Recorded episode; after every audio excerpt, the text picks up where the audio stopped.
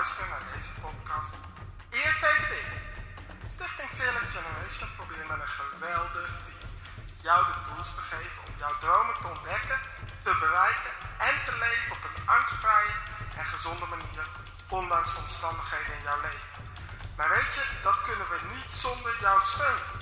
Je kan ons namelijk steunen door mee te bouwen als teamlid, te doneren, maar zeker ook door jezelf te abonneren op deze podcast. Check even uit onze website www.fearlessgeneration.nl als je wilt doneren of teamlid worden. Maar voor nu, abonneer jezelf nu meteen even op deze podcast. En uh, dan wil ik je van nu bedanken namens het hele team voor het abonneren. En uiteraard geniet van deze geweldige podcast. Fijn dat u kijkt. Deze keer nemen we een maatschappelijk thema met elkaar door. Dat letterlijk van invloed is op alle 70 miljoen Nederlanders. En toch hebben de meesten, als ze daarover nadenken, vraagtekens bij dit thema. Je kunt denken aan de boeren, de bouwers, de politiek, de natuurorganisaties, Europa, de wereld. Eigenlijk iedereen, arm en rijk, lijkt zo verdeeld te zijn over dit thema. Dat is natuurlijk het klimaat.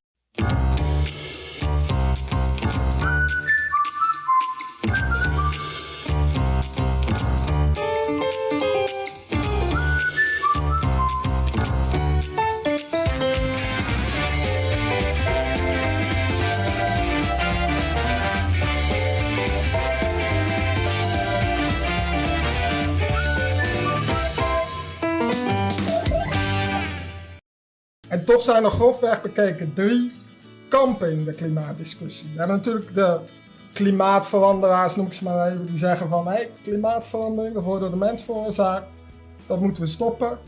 De zogenaamde klimaatontkenners die zeggen nee, het wordt niet door de mens veroorzaakt, het is er altijd al geweest.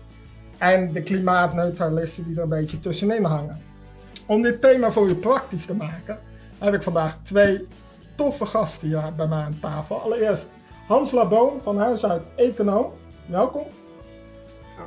En aan de andere kant Leo Quist, fractiemedewerker van GroenLinks Papendrecht. Ja. Ook welkom. Goedenavond.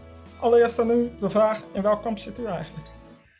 Uh, vanuit GroenLinks sowieso al. De energie en duurzaam, dat wil voor ons dus zeggen uh, de schone energie in samenhang met duurzaamheid Totaal. En welke kamp is dat als ik denk aan de klimaatveranderaars? De nou, het klimaatakkoord onder andere. Dus de klimaatveranderaars. Wij, wij, willen graag uh, windmolens, zonnepanelen. Dus duurzame energie. Ja, dus uh, ik schaar u bij de klimaatveranderaars. Ja.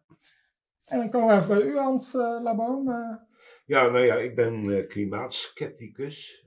Ik uh, zeg daarbij dat ik geen klimaatontkenner nee, ben. maar dat is natuurlijk even gekscherend. Laat dat even duidelijk ja, zijn. Ja, daar moet je mee oppassen, want het woord ontkenner heeft natuurlijk een uh, hele nare bijbetekenis, bijklank. En dat is dat het ook gebruikt wordt voor holocaust-ontkenners. Ja. Dus als onze ja. opponenten zeggen, dan jullie zijn klimaatontkenners. Nou, zullen we dan zeggen, de invloed van de mens op klimaatontkenners? Zo zou je het kunnen zeggen, ja. Want we, nou, dan noemen we het kampioen zo. Ja, we, we, ontkennen natuurlijk niet. Klimaat nee. is onzin. Nee, en aan de andere kant, we ontkennen ook niet klimaatverandering. Want klimaatverandering is door de eeuwen heen, door de duizenden jaren heen, door de miljarden jaren heen, is dat eigenlijk de norm. Wat wij dus betwijfelen is een dominante invloed van de mens op het klimaat. En, dus nog en hoe moeten we dat precies zien? Leg dat eens nou ja, het is dus zo dat, de, dat, dat dus de klimaatalarmisten, zoals wij ze noemen, dat die van mening zijn dat de mens een hele dominante invloed heeft op het klimaat. En inzonderheid dus de klimaatopwarming. En eh, als je dan dus kijkt naar de thermometers, want wij kijken naar de metingen. Mm Als je dan kijkt naar de thermometers, dan is er de laatste tijd helemaal geen klimaatopwarming of opwarming mm van de aarde of opwarming. Maar is er dan helemaal geen invloed van de mens of een hele nou, kleine invloed van de mens? Uh, inderdaad is het zo dat er dus onder de klimaatskeptici mensen zijn die zeggen, nou ja, er is helemaal geen invloed van de mens op het klimaat door het verstoken van fossiele brandstoffen, mm de emissie van CO2. En er is een andere groep, een grote groep, eigenlijk de meeste, die zeggen ja, er is wel enige invloed van de mens, maar die is klein en die is erg onduidelijk. Waar staat u in de groep? Ik denk dat ik dus bij de laatste groep hoor. Ja, dus wel een kleine invloed, maar niet. Maar niet alarmistisch. Oké. En, en dan komen we toch even aan de andere kant van de tafel. Want Ja. we hebben het natuurlijk nu over invloed van de mens. Eh, eh, ook natuurlijk aan de klimaatveranderaars ten aanzien van de invloed van de mens. Ik ga de kamp al anders noemen. Ja, Eh, eh, ja. eh, daar zou natuurlijk ook behoorlijk veel verschil zitten. Ik snap. waar, waar staan jullie in dat Ja, spectrum? ik- ik Eh, snap het. 100% invloed, 80% Nee, invloed? nee, nee. Ik snap zijn zegswijze. En kijk, wij ontkennen ook niet dat dat natuurlijk niet beide zo is eigenlijk. Mhm. Ik denk dat beide factoren meespelen. Ja? Als jij Ja. kijkt naar de opwarming van de aarde, hè, de uitstoot. Ik denk dat beide is. Het is niet zo dat of het een of het ander eh, dingen uitsluit. Mhm. Maar waar, waar loopt het dan vaak spaak? eh? Het loopt vaak inderdaad op de zienswijze. Wij willen schone, duurzame energie. En wij vinden dat je dan energie moet proberen op te wekken. Wat gegeven is bijvoorbeeld door de wind of door de zon. Maar wilt u dat dan, eh, want dan gaan we even verder op, wilt u dat dan specifiek voor het klimaatprobleem, laten we dat maar even noemen? Nou, het is in die zin een probleem omdat we daar meningsverschillen met elkaar over hebben. Of wilt u dat eigenlijk omdat u dat gewoon überhaupt wil? Nou, we willen dat überhaupt. En daarbij eh, komt bij de opwekking van die energie zoals wij die denken voor te staan. Ja, komt daar geen eh, extra CO2 of stikstof vrij. Reageert u daar eens op? Ja, eh, eh, wij hebben dus een hele andere opvatting eh, over duurzame energie. Wij vinden dus wind en zonne-energie vinden we helemaal niet duurzaam. Eh, eh, Wat is daar niet duurzaam aan? Nou, een windmolen eh, en zonnecellen, die zonnepanelen, die kunnen absoluut niet zonder gebruik te maken van fossiele brandstoffen worden geproduceerd. Mhm. Dus ze zijn dus helemaal afhankelijk al van de fossiele brandstoffen bij de productie. Oh, een momentje, ik kom zo bij terug. Eh, zonnepanelen en windmolens Ja, zijn niet duurzaam, want ze worden niet duurzaam Tuurlijk moeten die ook geproduceerd. worden. Ze komen niet uit de lucht vallen. Dat ben Maar dan bent u dus niet Maar, maar het- CO2-neutraal. dat neemt niet weg dat het een niet eh, ten opzichte van het ander gewoon veel beter gebruikt kan worden. Dus wij blijven daarbij, ondanks dat ze toch gemaakt moeten worden door enzovoort. Ja? Maar stel Maar- nou dat het dus blijkt dat eh, de productie van eh, de windmolens en de windenergie, Ja. want dat is een beetje wat ik aan die kant een beetje wel voel, Mhm. eh, dat daar de fossiele brandstof en de CO2 eh, eigenlijk hoger ligt dan wat je erop bespaart. Nee, door, Dan- de, door de tijd en dat je inderdaad die energie verbruikt, ja, Mhm. los je dat aan die kant toch op. En dan zal het toch uitslaan dat je daarmee je energie gebruikt zonder te veel eh, sch- schade te doen aan de natuur. Oké. Nou ja, daar hebben wij dus een hele andere opvatting over. Wij vinden dus dat zonne-energie en windenergie helemaal niet duurzaam zijn. En waarom zijn ze niet duurzaam? Ze zijn niet duurzaam omdat ze geen CO2-vermindering teweeg brengen. Wat het- zou wel een duurzame oplossing zijn? Een duurzame oplossing, ja, dat, eh, die hebben we op dit moment nog niet. Maar Maar wat zou in de Wij- toekomst wij- mogelijk wij- kunnen zijn? wij denken in de richting van kernenergie. Mhm. En dan in het bijzonder dus van kernenergie, kernenergie op basis van thorium. Maar dat Mhm. hebben we op dit moment niet. Maar laten we even terugkomen op eh, die zogenaamd CO2-emissieloze eh, hernieuwbare energie, hè, zonne-energie Ja. en windenergie. Het is dus zo dat beide, zonne-energie en windenergie, geen constante productie opleveren. Niet constant elektriciteit produceren. Mhm. En dat dus de nominale, dus de maximale productie van die beide vormen van energie, dat die dus absoluut nooit in de werkelijkheid wordt gehaald. Dus het zou nooit genoeg zijn eigenlijk om, om Nederland om eh, in zijn geheel te voorzien van Nee, stroom. dat, dat is zeker zo, maar los daarvan, als je dus die eh, beide eh, vormen van energie inzet in het elektriciteitsnet, dus alleen maar het elektriciteitsnet, hè, waar ze goed Ja. zijn. En dat is maar 20% van, ongeveer 20%. Hè, dat hangt er dus een beetje vanaf. Ongeveer 20% van onze Mhm. totale energiebehoefte. Als je dat inzet in het elektriciteitsnet, dus 20% van onze totale energiebehoefte, dan kun je dat niet helemaal doen. Het is namelijk zo dat ze intermitterend zijn. Intermitterende productie Wat betekent dat? Dat Eh, betekent dus dat het fluctueert. Als er geen zon is, dan is er Ja. geen elektriciteitsproductie van zonnepanelen. Ja. Als er geen wind is, of is te veel wind, dan is er geen elektriciteitsproductie van de windmolens. Dat- Het gaat dus op en neer, Ja. op en neer. Moderne maatschappij kan dat niet hebben. Nee. Hè? Als wij hier dus plotseling in het donker zitten, nee, dat zou niemand accepteren. Dus dat, voor die tekorten, voor die fluctuaties, hè, donkerflauten noemen ze dat in het Duits. Hè, dus zowel Mhm. donker als geen wind. Ja, precies. Daar heb je dus een backup voor nodig. Ja. Daar heb je reserve voor nodig. En dat zijn dus gewoon fossiele brandstof. Ik hoorde u net natuurlijk spreken over kernenergie. eh, de, de, de eventuele nieuwe manier. Hoe kijkt u aan tegen de huidige kernenergie? Nou, dat lijkt me dus eh, heel goed. eh, Want het werken. IPCC geeft natuurlijk aan dat al zouden we met de duurzaamheidsdingen meegaan, nou ja, dat kunnen we sowieso niet zonder de huidige kernenergie. Nee, dat is ook juist. En dat is ook goed dat het IPCC dat zegt. IPCC, hè, dat is het VN Klimaatpanel. En eh, dat heet, u me aanvult. het heet dus in het eh, Engels IPCC. En dat IPCC staat voor Intergovernmental Panel on On- Climate Change. Ja. Het werkt dus al een aantal eh Ja. jaar, een aantal tientallen jaren. En komt dus eens in de vier, vijf jaar met een Ja. groot rapport uit over wat de klimaatwetenschap dus nu weer heeft uitgevonden. Maar het belangrijkste is dat ja, eigenlijk het IPCC geen oog heeft voor wat er in het werkelijke klimaat gebeurt. En wat is dat wij dus de laatste jaren eigenlijk geen klimaatcrisis hebben. Die- Behalve dat we van mening verschillen met elkaar natuurlijk. Behalve dat? We van mening verschillen met elkaar. Dat kan ik ook wel een Nou. kleine crisis noemen. Nou, ja, dus in Nederland helemaal dat je van mening met elkaar verschilt. Vandaar dat er ook Ja. zoveel En verschillen daarom hebben we ook zoveel crisissen. Maar Ja, even naar de en- andere en- kant. En kerken, hè?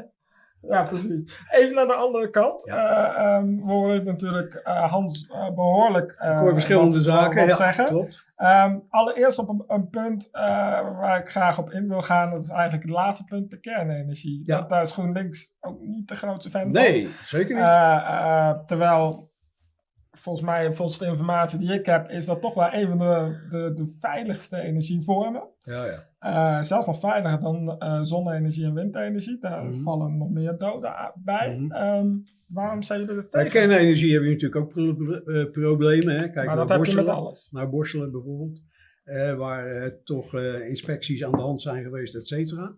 Daarbij zit je natuurlijk met de, de afval van de kernenergie. Waar, waar ga je die opslaan? Hoe Weet je hoeveel afval dat is voor een jaar? Ik heb niet, geen idee op eh, hoeveel, maar ik weet wel dat het eh, probleem van het afval eh, nog niet, ja, men, denkt aan opslaan in de grond of elders. Dus ehm, ik denk dat daar ook niet. Maar, wat dan wel? Want, want eh, ik kan me voorstellen, ook, ook een kijker Ja. die zit te kijken van, nou ja, ik heb inderdaad geen zin dat mijn licht uitvalt als Nee, we op zonne- en windenergie overgaan. Ja. Maar ja, ik wil toch dat mijn telefoon blijft werken, dat mijn laptop het blijft doen, dat eh, Ja. mijn elektrische auto blijft rijden, weet ik veel wat mensen allemaal. wij natuurlijk ook. wat is eh, dan de vervangende Waar wij natuurlijk ook voor zijn, dat is echt dat we een duurzame eh, energie, maar ook dat we dus gaan proberen minder energie te verbruiken. Ook dat. Hè, En dus- hoe ziet u dat voor elkaar te krijgen Nou ja. alle elektronische middelen die eraan eh, steeds ja, meer bij maar komen? toch zullen we met z'n allen, kijk het is heel makkelijk om te zeggen van ja, dat gaat niet. eh, Nou ja, ik zeg niet dat het niet gaat, maar is het realistisch? Ja, je moet, je moet op een gegeven moment met z'n allen, en dat is inderdaad iedereen, zou dat moeten, Hoe Ja, krijg je dat van- voor elkaar? huishoudens tot aan bedrijven, om te proberen minder energie, verstandiger met de energie om te gaan. Ja? En daarbij kunnen we natuurlijk ook dan een beroep doen, bijvoorbeeld op waterstof. Maar oké, eh, eh, hoe gaan we voor elkaar krijgen dat de energiebehoefte dan, want die wil je dus verminderen eigenlijk, dat mensen dus minder gaan gebruiken, dus daardoor ook minder behoefte hebben. Hoe gaan we die verminderen? Want als ik nu hier op de kamer zou zeggen, nou beste kijker, eh, wilt u eh, de komende eh, tijd gewoon eh, even minder tv kijken? Min, nou ja, doe dat maar niet, niet nu in ieder geval. Maar wilt u even uw laptop twee Mhm. weken niet gebruiken, per maand niet? Uw telefoon gewoon niet opladen? Ja, de apparaten, apparaten en de in- industrie moeten natuurlijk op een gegeven moment minder energie gaan Ja, verbruiken. maar hoe? Dat wordt ook, Hoe wilt u dat voor elkaar? apparaten nu zijn ook al voordeliger als apparaten tien Ja. jaar terug.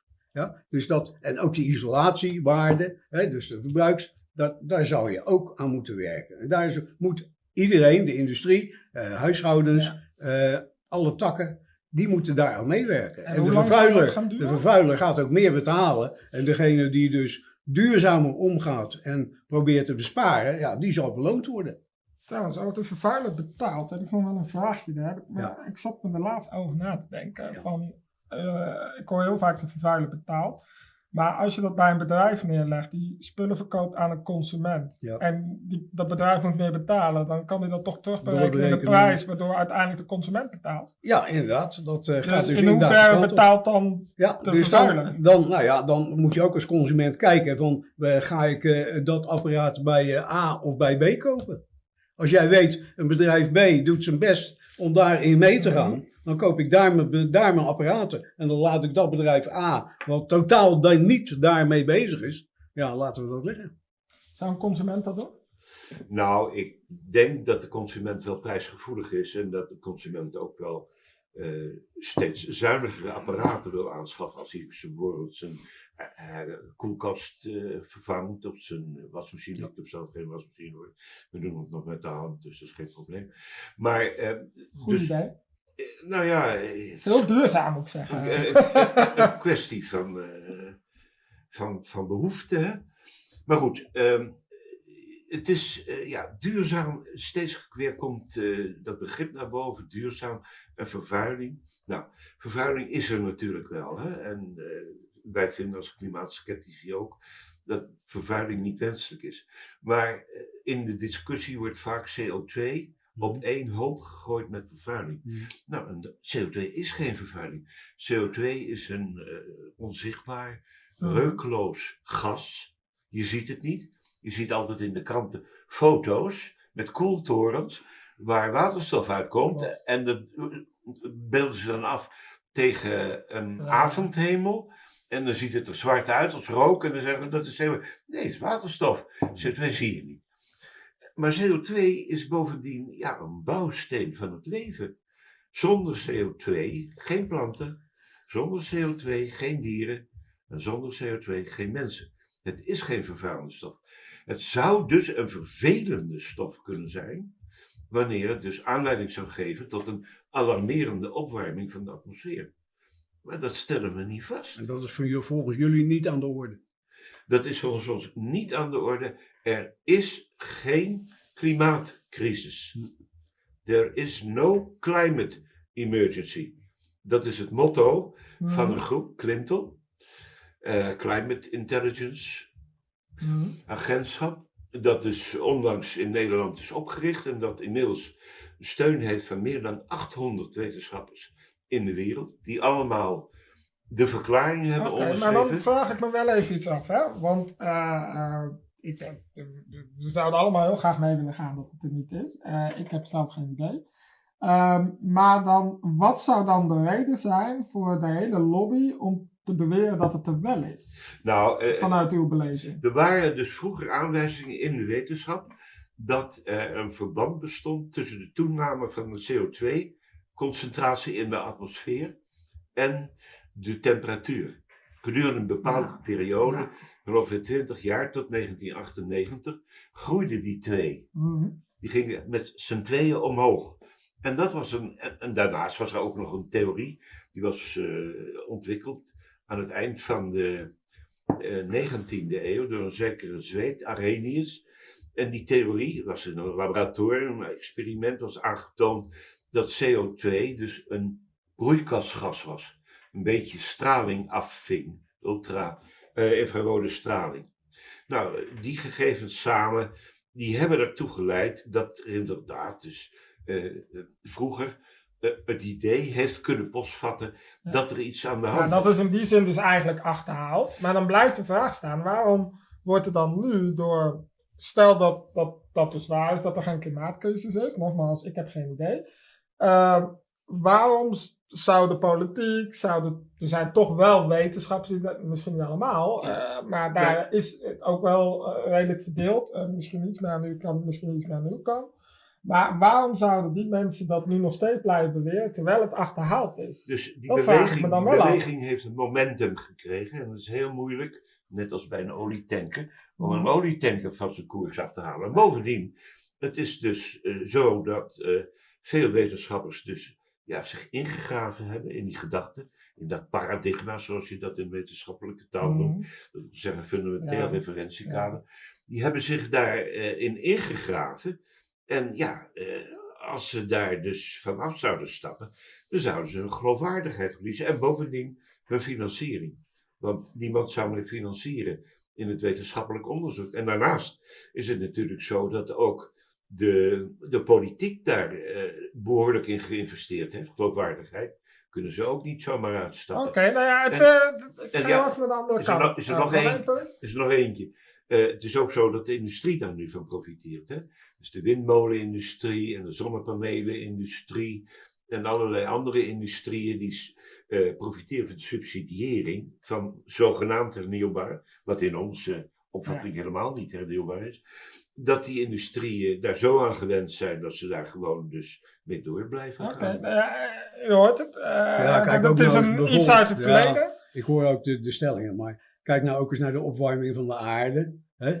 Eh, ik bedoel, er zijn toch wel degelijk dingen aan de hand. En dan moet je in samenhang toch gaan kijken van eh, hoe duurzaam en hoe moeten wij met onze aarde doorgaan. En Hmm. die ook door kunnen geven aan onze kinderen. Ja, dat is inderdaad wel een punt waar ik een- inderdaad wel naartoe Waar we wil. ons Van, echt zorgen over maken. los, los van of, of de mens nou klimaatverandering veroorzaakt. Dat, Ja, dat, dat, laten we dat punt even aan de kant schuiven. Eh, we kunnen in ieder geval met elkaar concluderen dat de aarde in, in alle jaren dat het bestaat altijd heeft veranderd. Dat eh, heeft niks met de mens op zichzelf per se te maken. Laten we dat punt eventjes los gaan laten. Mhm. Dat dat dus nu ook nog steeds gebeurt, want de aarde is nog steeds dezelfde aarde. Eh, we willen, neem ik aan, wel goed voor de aarde zorgen. Eh, eh, dat ook onze klein, klein, klein- kleinkinderen, en dat is voor mij echt nog een x aantal honderden jaren waarschijnlijk weg, er ook nog kunnen leven van. dan zou is, nou ja, misschien niet zonne- en windenergie, maar andere duurzame vormen toch geen slecht idee. Of ben ik gek? Nee, het is heel goed hoor, om goed te zorgen voor het milieu en eh, goed te zorgen voor de aarde. Maar wij zien dus geen verband tussen enerzijds klimaat en anderzijds milieu. Eh, sterker nog, eh, als je dus met dat hernieuwbare steeds maar doorgaat, dan ga je het hele land vol met windmolens. Nee, ik zei lo- los van de wind en de zonne-energie, zei ik al. ja, goed. Dus eh, ik zei, we gaan nu even, we we- laten even los ja, de invloed we, van de we wind. hebben geen acuut probleem. Hè? Nee, nee, nee, dat we laten we dus los. Dus we we hoeven het niet dus- in tien jaar te doen. Ja, we kunnen daar dus heel lang over doen, want we hebben voldoende fossiele brandstoffen. En we hebben bovendien ook eh, inventieve eh, wetenschappers die dus aan nieuwe vormen van energie kunnen werken.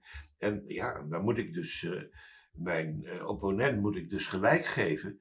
We moeten dus ook zuinig met energie omgaan. Inderdaad, als we dat kunnen realiseren als consumenten, als gebruikers en als producenten, zou dat heel mooi zijn. Tegelijkertijd, er is geen crisis. Hè? En we moeten dus niet allerlei maatregelen nemen die dus niks helpen. Want al die eh, windenergie en al die zonne-energie, wat heeft dat nou aan CO2-uitstootbesparing opgeleverd? Nou, dan ga ik even een stapje ertussen uit, want maatregelen die, die niet kunnen helpen. Ik kijk jullie beiden aan nu. Ik begin even bij u. Welke maatregelen, los van zon en wind, gaan helpen, los even van de invloed van de mens, dat eh, pad hebben we even bewandeld met elkaar, zullen gaan helpen. We hoeven het misschien in tien jaar te doen. Laten we zeggen, nou, we zitten nu in 2020. Nou, zullen we eventjes gewoon... eh, 2080 bent u er alle twee nog, dus laten we daar maar vanuit gaan. Dat, eh, welke, welke maatregelen toch iets gezonder, iets voor de iets verder lange Ja. termijn zouden we met elkaar kunnen nemen waar we consensus, consensus in kunnen vinden van hey, dat is wel goed voor de aarde, Ja. los van de Ik zie het- klimaatcrisis. Ik zie hetzelfde probleem als bijvoorbeeld de vergrijzing. Hè? We wisten twintig jaar geleden al dat we op een gegeven moment een hele grote groep ouderen zouden hebben. En die ouderen moeten allemaal een plek hebben. En als we nu teruggaan naar de energie.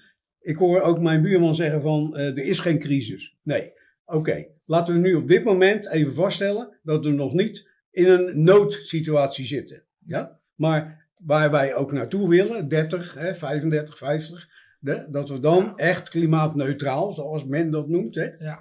eh, in ieder geval niet kunnen- meer afhankelijk van fossiele brandstoffen, Ja. dat bedoelt u dan. Oké, maar toch? laten we dan in ieder geval die tijd die we vanaf nu hebben ingenomen, hè, op de klimaatakkoord, aan Parijs enzovoort, ja, en die hele energietransitie, dat we dus nu gaan werken daaraan. Dat we En- niet en straks zeggen, Wat gaan we dan specifiek 12. doen, los Nou, van om zon dus afspraken te maken over het omgaan met en het verduurzamen het eh, zorgen dat we minder energie gaan verbruiken, dat we minder energie me. gaan produceren. Ja, eh, concreet, eh, Kernenergie toch maar doen?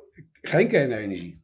Waterstof verder ontwikkelen. Ja, hoe, hoe lang gaat dat nog duren? Echt zon en water, eh, zon en wind. Dat is ja, nou, gewoon- maar die hebben we heel even uitgesloten voor het moment. Omdat het natuurlijk in de productie natuurlijk ook natuurlijk ja, ik, wij vinden nog steeds Eh, dat dat... waterstof? eh, dat hoe zijn lang gaat dat ons- nog duren voordat dat... Nou, daar zijn ze al mee gedaan is? bezig. In Groningen zijn ze al met een proefstation. Dus over een jaar hebben we waterstofauto's. En dan, ja, precies. Misschien nou, ja, dat, Ja, nee, ja, ik vraag het. die ontwikkeling gaat best wel hard. Hè? Als wij zeggen van een mobiele telefoon, die, dat kan nog niet, lang niet. Hè? En op het moment dat je zegt, het kan nog niet, is het er al. Dus die ontwikkeling gaat natuurlijk steeds harder. Over vijf jaar we waterstofauto's. Ja, zeker wel.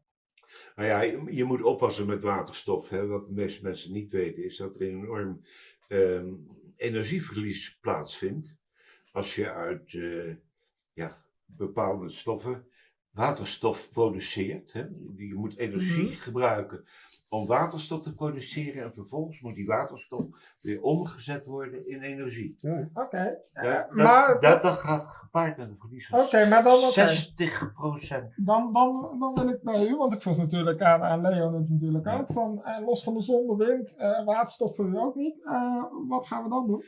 Nou, we zitten Want we dus, willen iets we zitten dus met het iets idee, idee fix, hè, dus dat Zweedse klimaatorakeltje, hè, die Greta Thunberg. zegt, "Hey, je moet in paniek eh, moet je komen, want eh, het is Ja, ik wil het niet op. Greta Thunberg. Uh, ze is 16, ze heeft autisme, zullen we, daar, eh, zullen we haar even loslaten in deze discussie? Nou, wat mij betreft heel goed, ja. Ja, dat, Maar eh, los daarvan, eh, het is dus zo dat er dus ook eh, met andere eh, klimaatpropaganda dus voortdurend eh geschermd wordt met het idee dat we dus in een crisis zitten. Of maar wat kunnen we, crisis eh, los van de, dat er geen crisis is, zei ik net, wat wilt u dan? Want we willen daar iets gezonder gaan maken, iets verduurzamen. 2080 zei ik, dan Nou, er ik, ik, eh, ik, wat, wat zouden we ik- bijvoorbeeld kunnen doen? geleidelijke isolatie van woningen, dus bij nieuwe woningen dus zorgen dat ze goed geïsoleerd zijn. Ja. Dat zijn dingen die kunnen dus sowieso kunnen die dus op basis van kostenbaatanalyse Ik gunstig hoor je zijn. naast me al, ja, dus we zijn het al met Ja. elkaar eens. Nou, en eh, dan lijkt mij dus eh,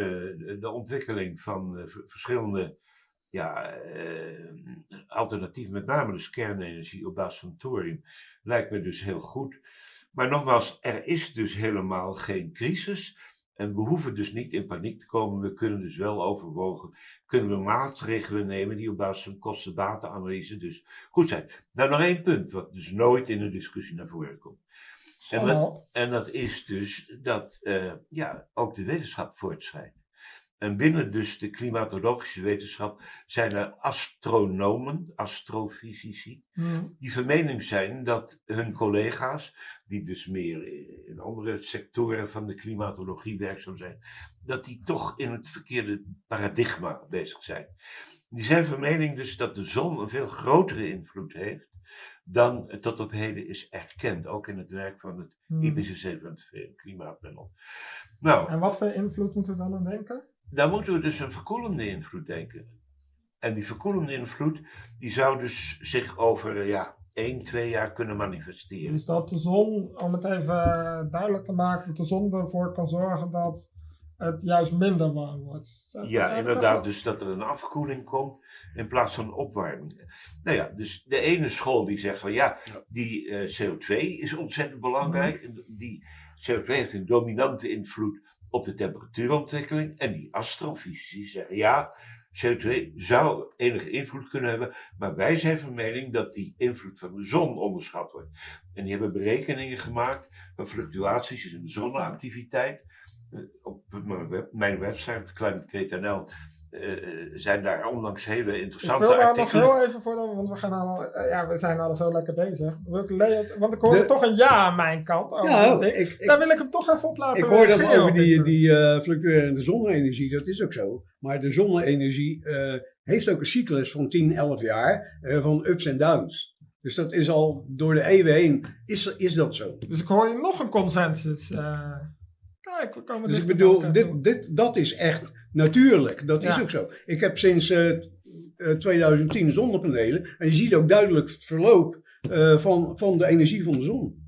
Ja, een cyclus van 10, Dus 11 dat het jaar. soms eh, juist heel... Ja, en Ja. dan- ja. Maar eh, los daarvan er zijn ook andere cycli en die werken allemaal op elkaar in. Hè. Soms versterken ze elkaar, Hmm. soms verzwakken ze elkaar. En die eh, astrofysici eh, waarnaar ik verwees, die zijn van mening dus dat er een eh, afkoelingsperiode van enkele tientallen jaren binnenkort zal intreden op basis van een verminderde zonneactiviteit. Dat is een omstreden stelling. Maar in de wetenschap moet je altijd je eh, geest open houden voor alternatieve gedachten. Hè, het is nooit helemaal zeker in de Nou ja, wetenschap. zo omstreden lijkt me die niet, want volgens mij zijn we het hier met toch twee... Nou, nee, eh, eh, als, je, als je dus naar de details kijkt van de berekeningen van die. Ja, die astrofysici, dan zie je dus dat die- 11, 22-jarige cyclus, dat die weliswaar een rol speelt, maar dat er ook nog andere invloeden zijn. Maar Maar laten de- we dit als start zien van de consensus eh, die in de wetenschap kan plaatsvinden. Eh, nou, eh, d- dat is dus niet een consensus. Het is dus zo dat er eigenlijk eh, een paradigmawisseling zou optreden als het waar is. Hè? Ja, ja, ja. Dat weten we dus nu op dit Maar in moment ieder niet. geval zodanig dat ze met elkaar in gesprek gaan. bedoel Nou ja, als de andere partij dat erkent, ja, dan kunnen ze in gesprek gaan. Maar even richting, eh, want we gaan dan bijna richting de afsluiting. Eh, we hebben wat mij betreft best wel een goed gesprek gehad. Ik heb er aardig Mhm. wel wat uitgehaald. En ook wat dingen waar, waar jullie toch eh, behoorlijk op één lijn zaten.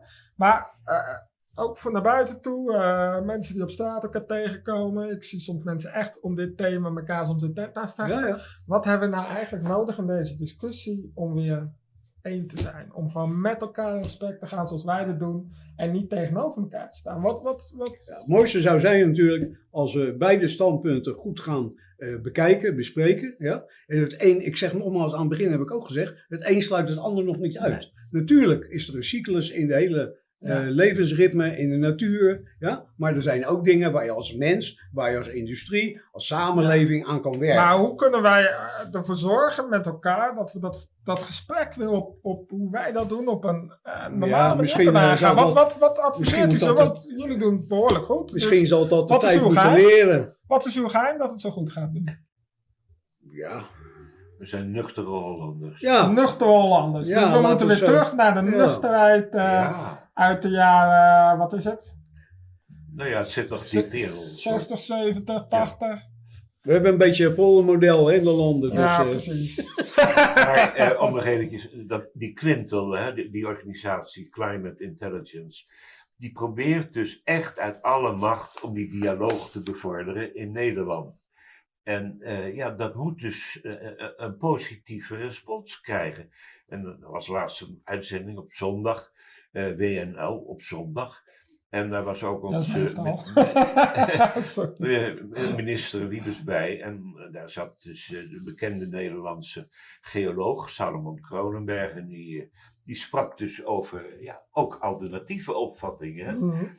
En eh, dat we dus als wetenschapper, hij is wetenschapper, hè, dat we als wetenschapper dus open moeten blijven staan, een open mind moeten houden voor die alternatieve, eh, en dat we een dialoog moeten houden. En Wiebes die knikte instemmend en die zei dat dus de discussie open moet worden gehouden. Wat is er sindsdien gebeurd? Nou, laten we, laten we dat meenemen voor de volgende keer. Ik, eh, we moeten echt gaan afsluiten, want ik Hmm. heb ook maar een beperkte tijd. Ik, ik wil jullie heel erg bedanken, Leo Quist en ook dankjewel Oké. Hans Labo. Ja. Eh, nou ja, beste kijker, we hebben natuurlijk best wel veel ontdekt met elkaar. En volgens mij ook heel veel dingen waar we het mee eens zijn. Isolatie van huizen. En zelfs aan deze kant valt de crisis ook wel mee. Want 2050 hoorde ik, die noemde jij voor 2080. Dat is dus ook niet over twee jaar. Dus we zijn het veel meer met elkaar eens. En laten we vooral met elkaar in gesprek blijven. Ondanks de dingen waar we wel mee eens blijven. Dus eh, als uw buurman of buurvrouw nou met u van mening verschilt in het klimaat, ga dan gewoon eens het gesprek aan. En ga ook zelf op onderzoek uit. En laten we samen gaan voor een planeet waar we samen voor elkaar zorgen en waar we nog duizenden jaren als mensheid op kunnen leven. Niet omdat de klimaatcrisis per se is, maar gewoon we van de planeet houden. Ik wil u in ieder geval nog een hele fijne dag wensen. Aju.